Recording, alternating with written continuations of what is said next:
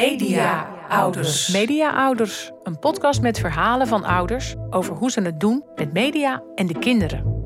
Ben jij stiekem benieuwd hoe andere ouders worstelen met media in hun gezin? Ik wel. Ik ben Marije Schuurman, moeder van twee al wat grotere kinderen. Oortjes uit. Die de hele dag met oortjes inlopen. Of moet ik daar niet over zeuren? Om te horen hoe andere ouders dat doen, ga ik langs bij twee gezinnen in Rotterdam en Deventer, waarvan je de ouders misschien wel kent van de media. Anna van den Bremer, columniste bij de Volkskrant. Ze schreef het boek Alle ouders klungelen maar wat aan. En dat het echt wel heel lekker is om ze even achter uh, een filmpje te zetten. Anna heeft twee kleuters, Mia en Baran. Samen met schrijver en presentator Ustjan Akiol. Wat ze vooral moeten kunnen is niet de techniek beheersen, maar wat ze vooral moeten kunnen is zichzelf beheersen. Het andere gezin in deze podcast bestaat uit auteur en columniste Daan Rot de Launay. Die kinderen maken dan soort vakjes waar ze dan voor mij alle nieuwsapps in stoppen. Haar vier kinderen, Elvis van 19, Rover van 17, Wolf van 13 en Maantje Piet van 10. Wij gaan lekker trouwen en we blijven altijd bij elkaar. Vader en echtgenoot Jan Rot was artiest en hertaler. Wachten op de ooievaar. Hij overleed niet lang na de opname. Maar wij, de makers en zijn gezin, willen juist wel zijn verhalen laten horen. En ook gebruiken we Jans muziek.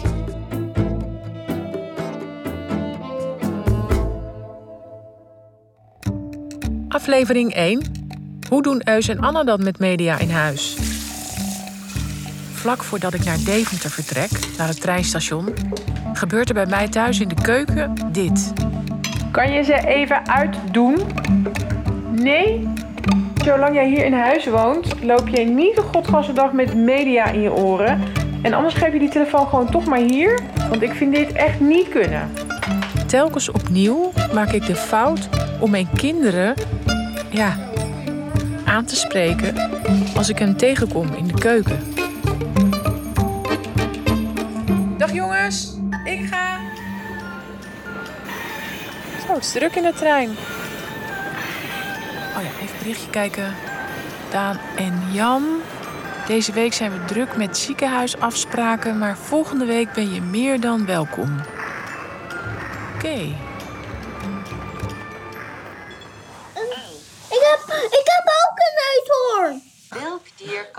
Als ik binnenkom in de woonkamer bij Anna en Eus, zitten Mia en Baran Huh? van 5 en 3 allebei hetzelfde spelletje te doen op een eigen tablet. Welk dier klimt in een boom? Welk dier heeft strepen? Dolfijn. We zoeken even hoe we het doen met de microfoons, want ik zit wat verder weg in verband met corona. Dus soms klinkt iets even wat harder of zachter. Maar daar gaat de eindmixer, met wie ik deze podcast maak, Joris, van alles aan doen. Joris? Joris? Welk dier kan plafond? Ik had ook een hond. Zo, dan gaan we nu beginnen op de bank bij Anna en Eus. En let op, het wordt een openhartig gesprek. Luister. Vol- volgens mij kun je je niet voorbereiden op, op een toekomst, omdat er elk jaar weer nieuwe ontwikkelingen zijn. Dus je wordt ook steeds eh, ingehaald door de realiteit en dan is er weer een nieuwe hype. En, ehm, en wat mij ook eh, iedere keer weer fascineert, is het gaat veel sneller dan je zelf denkt. Dus, dus het, eh, ze verrassen je telkens met Ja. wat ze doen. On- soms worden wij ook wel gewoon verrast door. Bedoel, we hebben heel, echt wel ideeën over schermtijd en wat ze wel niet mogen zien. Maar dan is er toch een onbewaakt moment. We hebben heel lang geen tablets gehad. Die hadden we wel in huis, maar ze keken alleen tv. Echt tot eigenlijk, een, ja, wat is het, een half jaar geleden of zo... dat er geen tablets waren. Ja. En toen hebben we dat op een, een of andere manier... dat Mia dat toch, als Barren ging slapen... mocht ze dat even kijken. Van, is van filmpjes gegaan naar, oh, mag ik een spelletje? Nu zijn er meerdere spelletjes. Nu is ze dus echt, nou ja, af en toe een professioneel gamer... ongeveer met zo'n race-spel. ja. Dus dat gaat soms ook dat je denkt, oh, hebben we, dit is niet dat we op een Ja. avond bij elkaar zijn gezeten. Ze mag nu spelletjes doen op de tablet en dat ontstaat dan. En dan moet je achteraf gaan kijken. Oh, vinden we dit, ja, vinden we dit oké? Ja. Moet het weer even terug? Ja, nee, maar dat is eh, wat ik bedoel met het overvaltje ook. Dus je moet Ja. iedere keer weer eh, een soort van eh, kleine vergadering doen met elkaar. Van wat gebeurt hier nou precies en hoe is het ontstaan? Moeten we dit weer een beetje terugschroeven? Ja, ik moet wel zeggen dat ik ben wat minder dogmatisch daarin. Want inderdaad, wij hadden vroeger eh, alleen een televisie en uh, buiten spelen. Maar ja, als het slecht weer was, zaten we ook gewoon zes uur voor de televisie. Dus uh, het gaat er alleen om dat je misschien in die tijd niet zoveel beïnvloed werd als nu. En, en dat, dat er gewoon bepaalde nieuwe elementen bij zijn gekomen. Vooral vanuit de privacy en commerciële dingen. En natuurlijk misstappen die je zou kunnen begaan op, op internet. Dus, ja. Maar om, nu te, om, om nou dat scherm helemaal te demoniseren, dat gaat mij ook te ver. Uh, Want kinderen keken vroeger ook gewoon te veel tv. Ja, en wij, zagen, kijk, wij zeggen nu heel stellig van uh, nee, ze mogen uh, geen tablet kijken, op een tablet kijken als we aan het eten zijn of zo. Maar ja, wij gingen vroeger altijd voor de tv zitten eten. Denk van ja, wat is nou eigenlijk het verschil? Voor mij gaat het om dosering. En ja. ja. daar moet je jezelf niet in verliezen. Het is zo verleidelijk om je kind voor een tablet te zetten, want dan heb je in huis rust. Dat is zo. Als je uh, geeft maar uh, Baran uh, twee uur een tablet en je hebt er geen last van. Maar je moet wel nadenken van ja, is dit nou een makkelijke manier om af te maken van de opvoeding? Of, of, of is ja. het nu echt, echt, ja, is het, gaat het misschien contraproductief werken? Oh ja. Wat was onze vraag? Ik weet het niet meer. Welk dier zegt piep piep? Konijn. Konijn. Welk dier legt een ei? Welk dier kan knorren? Soms doen ze hele educatieve dingen erop en dan opeens uh, spreken ze allemaal Engelse woorden en zo. En, soms zijn het inderdaad hele domme spelletjes die ze aan het doen zijn, waarvan ik denk, ja, ze hebben je weer twee uur van je leven verspeeld. Dus het is ook een beetje de kwaliteit die je moet bewaken op het scherm. Dat is ook wel heel belangrijk. Ja, en ik heb zelf vooral, ik vind het die hele schermtijddiscussie van hoe lang mogen ze nou kijken, wanneer. Op zich hebben wij best duidelijke regels. Maar daar kan me echt heel vaak wel schuldig over voelen. Van wat is nou normaal en wanneer is het. Maak ik me inderdaad er te makkelijk vanaf door ze uh, iets te laten kijken als ik ga koken. Want dan lees ik weer, eigenlijk is het ook heel goed als kinderen meehelpen koken en dan leren snijden. Maar ja, dan ben ik te moe om dat om half zes allemaal te gaan willen regelen met twee kinderen die ook moe zijn en hongerig. Dus, uh, maar ik probeer wat mij altijd helpt, is gewoon te proberen van uh, meer in de gaten te houden alle andere dingen. Van buiten spelen, bewegen, creatief. Je gaat gewoon een rekensom maken. Je gaat tegen elkaar afstrepen. Inderdaad, als ze drie uur in de speeltuin zijn geweest, dan is het prima als ze een uur uh, tv kijken. Maar als ze de hele dag binnen tv hebben gekeken, ja, dan klopt het gewoon, gewoon, niet. niet nee. En dan, je kan wel gaan turven, uren gaan bijhouden en zo, maar dit soort dingen. Je moet, gewoon in balans voelen. En, en dat je wel echt veel doen ook. Ja. Kijk, wij zijn niet stokoud, we zijn 36 en 37. Maar het is wel zo dat je te maken hebt met een nieuwe generatie die de wereld gewoon op een heel andere manier beleeft. En dat is wel confronterend, uh, omdat wij zelf kinderen hebben die, eh, die er aankomen, zeg maar. Ze zijn nu nog uh, kleuters, maar straks zijn ze uh, tieners en pubers. En, en, en, en zij zullen dan andere normen en waarden hebben, ook als het om media gaat. Um, en wij moeten toch wel uh, bij zijn. We moeten intellectueel lenig zijn. Dus, dus, dus we moeten niet denken van dat is niks voor ons. Het is juist wel voor ons, want het gaat om onze kinderen. Dat vind ik wel een grote uitdaging. En uh, nou, daarom hebben wij bijvoorbeeld wel TikTok op onze telefoons allebei.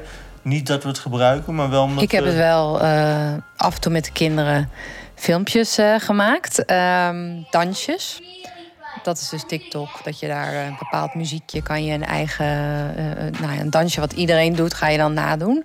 En dat was wel heel leuk, omdat de kinderen dat uh, nou ja, natuurlijk geweldig vinden om te doen. En dan kan je dat samen doen. In dit geval deden we het dan met, met onze oppas. Dus uh, ik, de kinderen en, en zij. En dat was wel heel, dat vond ik wel leuk. Omdat je dan het gevoel had, een soort van generaties ontmoeten elkaar dan met zo'n zo'n app. Um... Nou, los daarvan is het ook zo dat je gewoon veel hoort dat die generatie heel erg uh, wordt beïnvloed ook uh, op TikTok. Dus als het gaat om een politiek bewustzijn, als het gaat om uh, bijvoorbeeld klimaatdoelen, et cetera, zie je dat ze elkaar op dat soort platformen opzwepen. Um, zelfs als je tegenwoordig naar voetbal kijkt, zie je heel grote sponsorborden met TikTok. Dus het is echt de aanmoediging om op dat platform te gaan. Dus ja, je kan het je ook niet permitteren om, om, om daar met, met ja, een beetje laatdunkend over te doen. of het is niet voor mijn generatie. Dus het is los van het amusement, heeft het ook echt wel een maatschappelijke waarde. Het is niet meer zoals wij eh, die, die op school leerden eh, wat goed en fout is, of die naar tv keken en de kranten. Dat, dat waren onze informatiebronnen. Maar vond ik voor de kinderen eh, zijn het die apps en alles. Dus Ja. ja, daar moet je wel bewust van zijn. En ook de, de realisatie dat je echt een wereld mist die wel, die er gewoon is. En die ook uiteindelijk later, als de kinderen ouder zijn, eh, eh, invloed gaat hebben op hoe, hoe zij de dingen beleven. Ja. En dan zou het eigenlijk heel vreemd zijn dat wij daarvan helemaal niet op de hoogte zijn. En ja, dat is ook een eng idee eigenlijk.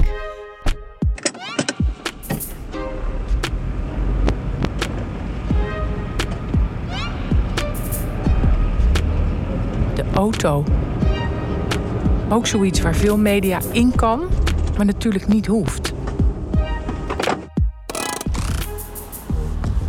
Ja, eh, ik had deze week wel dat ik eh, mijn auto moest APK gekeurd worden. Toen zag ik een eh, andere auto staan. Zeg maar, ik moest wachten op de APK, dus dan ga je, wachten op, ga je kijken wat er allemaal staat. Ik moest een uur wachten. En toen zag ik een auto met, ehm, met ingebouwde schermen bij de, bij de, bij de achterbank, zeg maar. Dus daar konden de passagiers op de achterbank, die konden dan gewoon op het scherm kijken, allebei een eigen scherm. Toen dacht ik wel even van, eh, ja, dit zou echt wel ideaal zijn voor een langere rit met de kinderen. Maar toen dacht ik ook van, nee, dit is echt een no-go, dat kunnen we niet doen. Want dat wordt dan zo aangeleerd gedrag dat je een scherm hebt tijdens het autorijden. Ehm, Dan kom je er ook niet meer, stel dat je een rit bedenkt, nu niet. Dan is dat altijd een discussie, omdat ze er toch zitten. Ja, en het gaat ook, mij, mij gaat ook, ik zat veel meer denken ook over de beleving. Kijk, vroeger zat je op een eh, achterbank en dan keek je uit het raam en dan, ja, weet je, de natuur, de, de, de, de architectuur, de, de mensen, dat was gewoon een beleving op zich. En als je daar twee schermen neerzet, of ze nou vast of eh, los zijn, dan, eh, ja, dan, dan wordt autorijden ook iets heel anders. Ja, die lange autoritten. Daar moet je altijd toch wel wat mee. En vakantie, nog zoiets. Welke media wel mee, welke niet. Ik ga binnenkort weer terug naar Deventer om het daar eens over te hebben met Anna en Eus. Shirley, ga je poepen of plassen? En terwijl Baran grapjes uithaalt met Siri, de digitale alwetende, Shirley, ga je wel eens poepen en... Ik kan geen overeenkomstige openbare toiletten vinden. ga ik naar huis.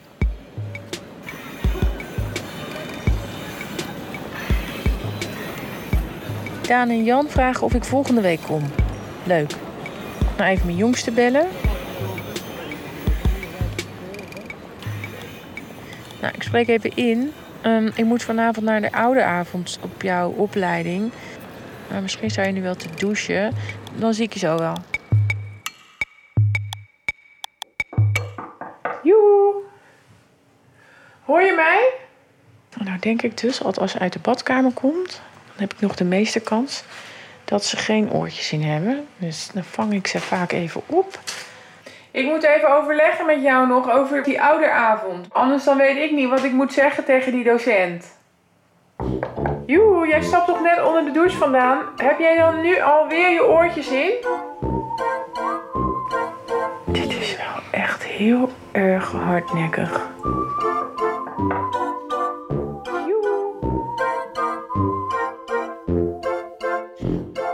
Dit was aflevering 1 van Media Ouders. Je kunt de podcast luisteren via je podcast-app. En wil je meer verhalen van ouders over media en de kinderen? Luister gewoon de hele podcast, zou ik zeggen. En van de volgende aflevering krijg je nu alvast een voorproefje. Het lijkt wel een soort ehm, tweede taal die ze al spreken of zo. Die ze Ja, al, ja, aldoende leert men, maar dan aldoende leert men supersnel. Want ze hadden mijn iPad ingepikt en dan Ja. volledig anders ingericht dat ik er niks meer van snap.